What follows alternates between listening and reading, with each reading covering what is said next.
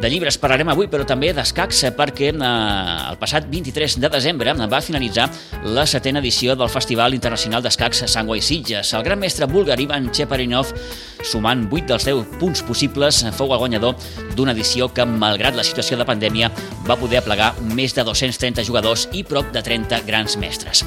En parlem amb Òscar Stover, organitzador del torneig. Òscar Stover, bon dia i bona hora. Bon dia. Què tal? Molt bé, molt bé. Eh, si hagués de fer un balanç així ràpid i general d'aquesta setena edició del, del festival, quin seria? Bueno, doncs, estrany, no? Com tot.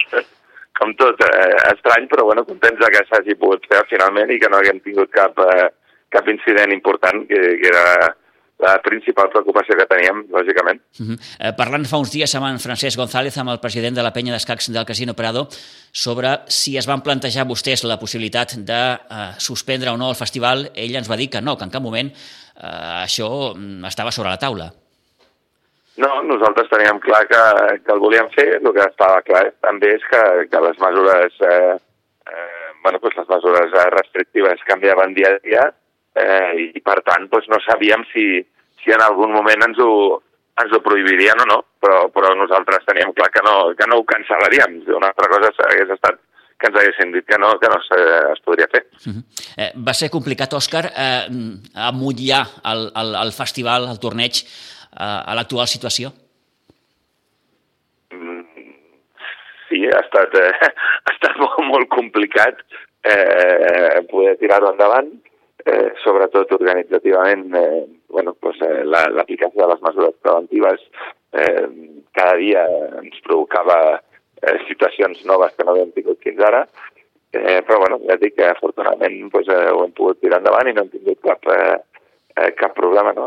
Un altre tema que ha estat eh, força complicat, en parlava del Francesc, un moment el Francesc és el, és el director del torneig, i aquest any, doncs, eh, doncs lògicament, ell, ell ha preferit eh, quedar-se a casa i estar des de casa eh, bueno, pues, pues ajudant i, i ho ha fet molt, però evidentment el que no, el que no estigués present doncs, complicava una miqueta més encara era un repte més per, per tothom, doncs ell és el veritable expert eh, en escacs eh, que tenim. No? Llavors, eh, era, era un, un repte més, no? la, la, la no presència física, eh, tot i que en remota eh, doncs, ha estat ajudant força, eh, del Francesc González doncs, era un altre, un altre, un altre repte i un altre programa organitzatiu. Uh -huh. eh, malgrat tot, Òscar, més de 230 jugadors de molts països, eh, prop de 30 grans mestres, en fi, hi ha hagut menys quantitat, però la qualitat s'ha mantingut, que és important. Eh, sí, evidentment tam també ha baixat una mica, no, no, no podia ser el mateix, uh -huh. però, però molt per sobre de, del que nosaltres esperàvem, sincerament. Nosaltres quan vam decidir tirar-ho endavant eh, doncs era una mica pensant en, en, en, bueno, pues en plantejar-ho aquest any com una inversió en, en, en màrqueting i en, en publicitat. No?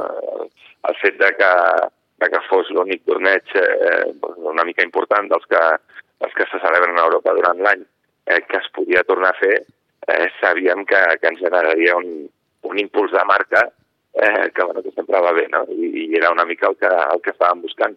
Eh, no esperàvem, eh, ho havíem parlat moltes vegades, no, no esperàvem eh, molts més de 100, 110 jugadors eh, i de fet eh, dues setmanes abans del torneig no estava clar ni siquiera que arribéssim a aquest nombre, no?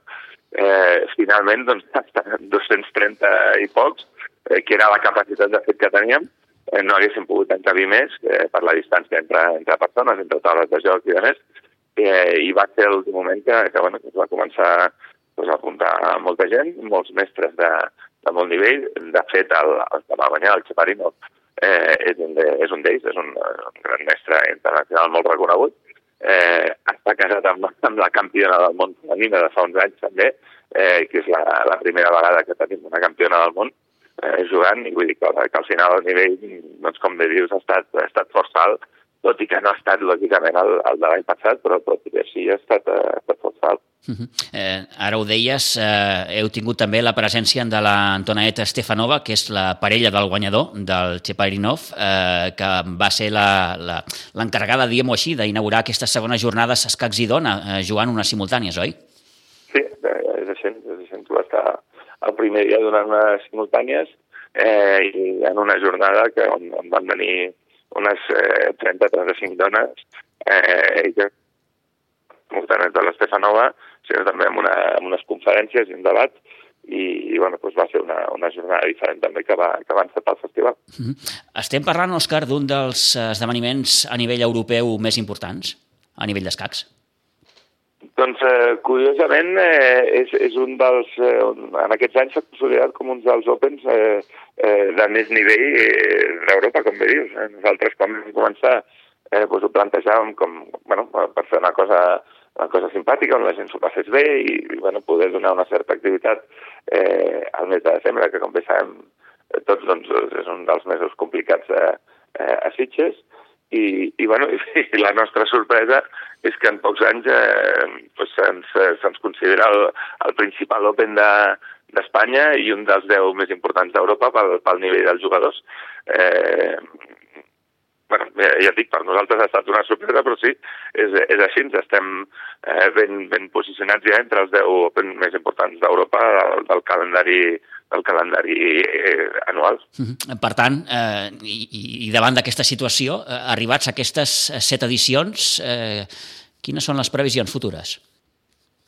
Bé, doncs eh, la nostra previsió és intentar seguir, o, o el nostre objectiu, millor dir, és, és intentar seguir creixent, intentar seguir fer les coses bé i, i que la gent s'ho passi bé, que al final era una mica el, el que sempre hem buscat. Està clar que ara tenim una mica el focus eh, eh, pues, pues de la federació i de, i de tothom a sobre ja des de fa un parell d'anys, eh, i això és un repte més, però, però no hem perdut una mica l'essència del, del que volíem inicialment, que és que la gent eh, vingui i s'ho passi bé. Eh, L'any passat van venir ja 450 jugadors, i, i bueno, si tot va bé i aquesta pandèmia ja una vegada ens deixa tornar a la vida, nosaltres esperem eh, que l'any que ve puguin ser alguns més. No, no, no hem fet cap previsió, evidentment, en aquests moments, però, però bueno, ens agradaria pues, això, que, que segueixi creixent i, i que pugui donar cada vegada una miqueta més d'activitat a tothom. Uh -huh.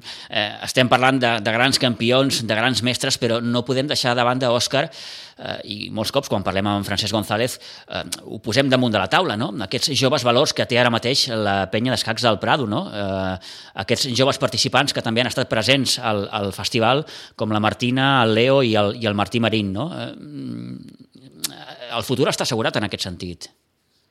Eh, sembla que, sembla que Sitges té cantera, sí. És, eh, té, té grans jugadors i aquests que has esmentat, evidentment, són, són la punta de llança eh, d'unes generacions que venen que, que estan pagant fort amb, amb els escacs. Eh, Sitges s'ha convertit en un, en un referent d'aquest esport i, i bueno, és, la veritat és que és, eh, per nosaltres és un, és un honor tenir també jugadors d'aquest nivell i d'aquesta projecció eh, dins de la vila. No? Eh, és cert que aquest Open per ells eh, ha estat una experiència eh, molt dura, doncs el, el nivell dels jugadors que venen és, eh, com deies, és, és, és força alt, eh, però bueno, jo crec que, que estan contents de l'experiència i estic segur que l'any que ve eh, tornaran, tornaran a jugar. Mm -hmm. Estem llegint, estem veient aquests últims dies, Òscar, eh, allò de que els escacs estan de moda i, i té molt a veure probablement aquesta sèrie de Netflix eh, que és Gambito de Dama, protagonitzada per la Anya Taylor-Joy en el paper de Beth Harmon. Eh, veritablement és així? Eh, estan de moda els escacs? Doncs això sembla, oi? Durant, durant la pandèmia la veritat és que vam veure un increment molt fort de, de, de lo que són les partides eh, online. Ja, bueno, va ser, va ser un, un esport, un joc que, que la gent va començar a practicar per internet. De fet, nosaltres vam organitzar ja a l'abril el, el, el que es va dir que era el primer Open eh, a ritme lent de la història, eh, el vam organitzar aquí des de Sitges i també ja va, va tenir força ressò aleshores per internet.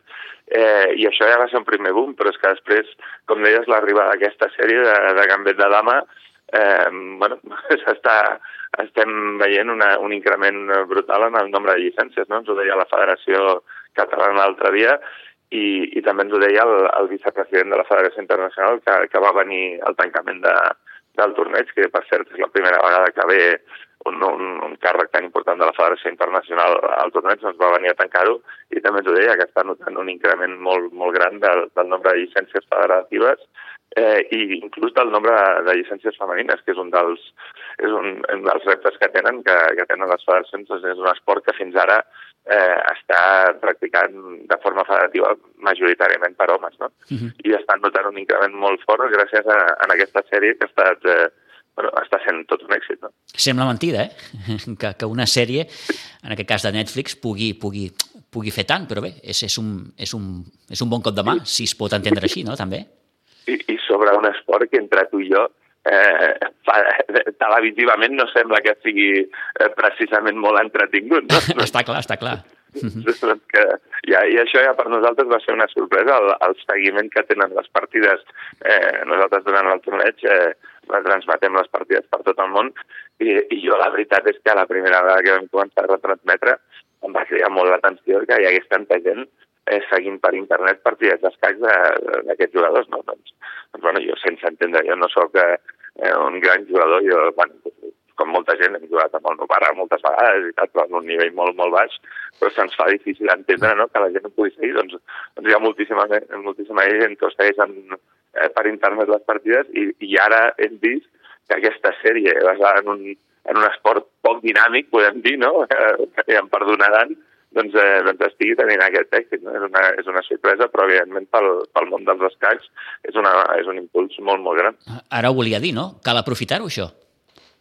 Doncs sí, suposo que, que és el moment d'aprofitar-ho. No sé, no sé ben bé una mica com, com, com es pot fer o com la federació com, com tirarà endavant, però, però bueno, ja, ja dic, estic segur que, que aprofitaran aquesta onada i, i segur que veurem en els propers anys doncs, un, un creixement d'aquest esport. No? En la part final de la nostra conversa amb Òscar Stover, li, li, sé que és difícil, eh, però eh, li volem plantejar, eh, no sé, eh, com, com visualitzes tu personalment l'any que ve, el 2021? Mm, sé que és difícil, eh, repeteixo, perquè eh, ens trobem en una situació en què ens movem molt en el dia a dia i, i vaja, parlar de setmana a la vista o de mes a la vista o de mesos a la vista és molt, molt complicat. Doncs mira, bueno, tu saps que estem, estem nosaltres en, en un sector que és l'hostaleria que, està, que està patint que està patint força, sobretot en, en el tema de bars i restaurants amb els tancaments. Mm. I, I la veritat és que, com deies, eh, anem, eh, com diu el Simeone, ja que parlem d'esport, no? eh, partit a partit, estem mirant la setmana que ve perquè no podem mirar massa menys, més lluny, però tot i això eh, nosaltres doncs, som optimistes eh, que ens queden mesos, eh, ens queden 4 o 5 mesos molt, molt complicats, on, on seguirem veient restriccions i on seguirem veient eh, dissortadament, em temo, doncs, eh, doncs, moments eh, molt complicats, però, però jo crec que ja estem començant a veure una mica una llum al final d'un túnel, eh, llum que fins ara no veiem, i, i nosaltres confiem, i és una mica les previsions amb les que treballem i les que treballem, eh, que com a molt al maig puguem ja una mica arrencar eh, definitivament i tornar una mica a poc a poc a, a la vida que coneixem abans. Uh -huh. Tant de bo sigui abans, no? Un, un municipi com Sitges, si podem, bueno, si, si, si es pogués arrencar una mica abans i, i Setmana Santa es pogués ja treballar una mica amb una certa normalitat o un, un cert ritme seria fantàstic, però, però jo em temo que, que tenim això 4 o 5 mesos per davant encara, que estaven molt complicats, i confio que després l'arrencada la, la sigui, sigui, sigui ràpida. No? Un municipi com Sitges tenim tot per, per poder arrencar ràpid, que confiem que sigui així. Eh, sí que és cert, Òscar, que les previsions, podríem dir, més optimistes apunten a l'estiu que ve. Sí, bueno, jo crec que és com deies abans, no? que és molt difícil eh, ser de pitonista en aquests moments, no? eh, però, però bueno, hi ha una mica entre, entre una previsió i una esperança, no? I, i jo crec que és amb això amb el que hem de treballar, hem de començar a, a agafar impuls i, i a posar-nos aquest escenari de, de començar a treballar això, m'ha arribat al, a finals d'abril, maig, tant de bo sigui així. Mm -hmm. Vaja, gairebé em fa vergonya preguntar-te eh, com està a dia d'avui el sector de la restauració. Mm, crec que la resposta és òbvia. Òscar. Sí, crec que dissortadament és, és òbvia eh, estem molt preocupats, a més, per, per, per la quantitat de, de negocis que, que estan patint molt i que, i que veurem com ho fan per seguir endavant. Eh, no només hi ha, hi ha una mica de tristesa, hi ha una mica de preocupació, sinó que també hi ha molta, bueno, doncs en aquests moments eh, s'ha de dir, no? molt, molt emprenyament en el sector per com s'estan duent les coses a nivell, a nivell de Catalunya però al final és una mica pues, eh, pues el que ens toca aguantar i el que tenim i, i bueno, hem de seguir lluitant per, perquè hi hagin ajudes i perquè eh, hi hagi una mica un suport per, perquè aquests negocis puguin seguir endavant quan, quan quan torni al moment, perquè, perquè molts, dissortadament, cada vegada ho veuen més complicat. Però ja et dic, jo crec que dissortadament és el que hi ha, hem de seguir lluitant per, per que hi hagi ajuts qui, qui es fan tancar, eh, però, però ara ja hem de començar a mirar també, ja dedicar una mica de la nostra energia a, bueno, pues a mirar com sortir més ràpid, perquè al final qui, qui ens ha de garantir la supervivència és, és la gent que ens visiti, la gent que, eh, que bueno, faci ús de, dels nostres serveis i, i de la nostra vida. Mm -hmm. Doncs hem acabat o hem començat, millor dit, eh, parlant d'escacs i acabem amb aquesta reflexió que ens deixa sobre la taula Òscar Stover sobre la restauració. Òscar, gràcies per atendre'ns durant aquests minuts. Eh, suposo, i ja acabo definitivament, eh, mirant de reull no? la, la, la vuitena edició del Festival Internacional d'Escacs Sant Guai Sitges, eh, que esperem i desitgem es pugui disputar amb la més absoluta normalitat, diguem-ho així. Esperem que sí. Abans, abans tenim eh, a la vila, com bé saps, un, un altre Open d'Escacs, l'Open d'estiu. Sí, senyor. Organitza, eh, també la, eh, organitza molt bé la, la penya d'escacs local, la penya d'escacs d'escacs del Casino Prado, i, i cravem els dits perquè aquest any eh, puguin tornar a fer-ho després d'una edició que han hagut de cancel·lar per les circumstàncies. No? Així que bueno, esperem que torni la normalitat també al, al món dels esports eh, en general i al món de, dels escacs en particular. Perfecte. Òscar Stover, gràcies per atendre'ns durant aquests minuts. Eh, que vagi molt bé, eh, que acabeu de passar un bon final d'any, malgrat aquest 2020 molts de ben segur llançaríem a les escombraries, i que el 2021 ens porti els millors desitjos. Que tinguem salut i, i felicitat tots ara i que el 2021 ens porti la feina que tots volem, oi? Així que bones, bones festes per vosaltres també. Gràcies, Òscar. Adéu-siau.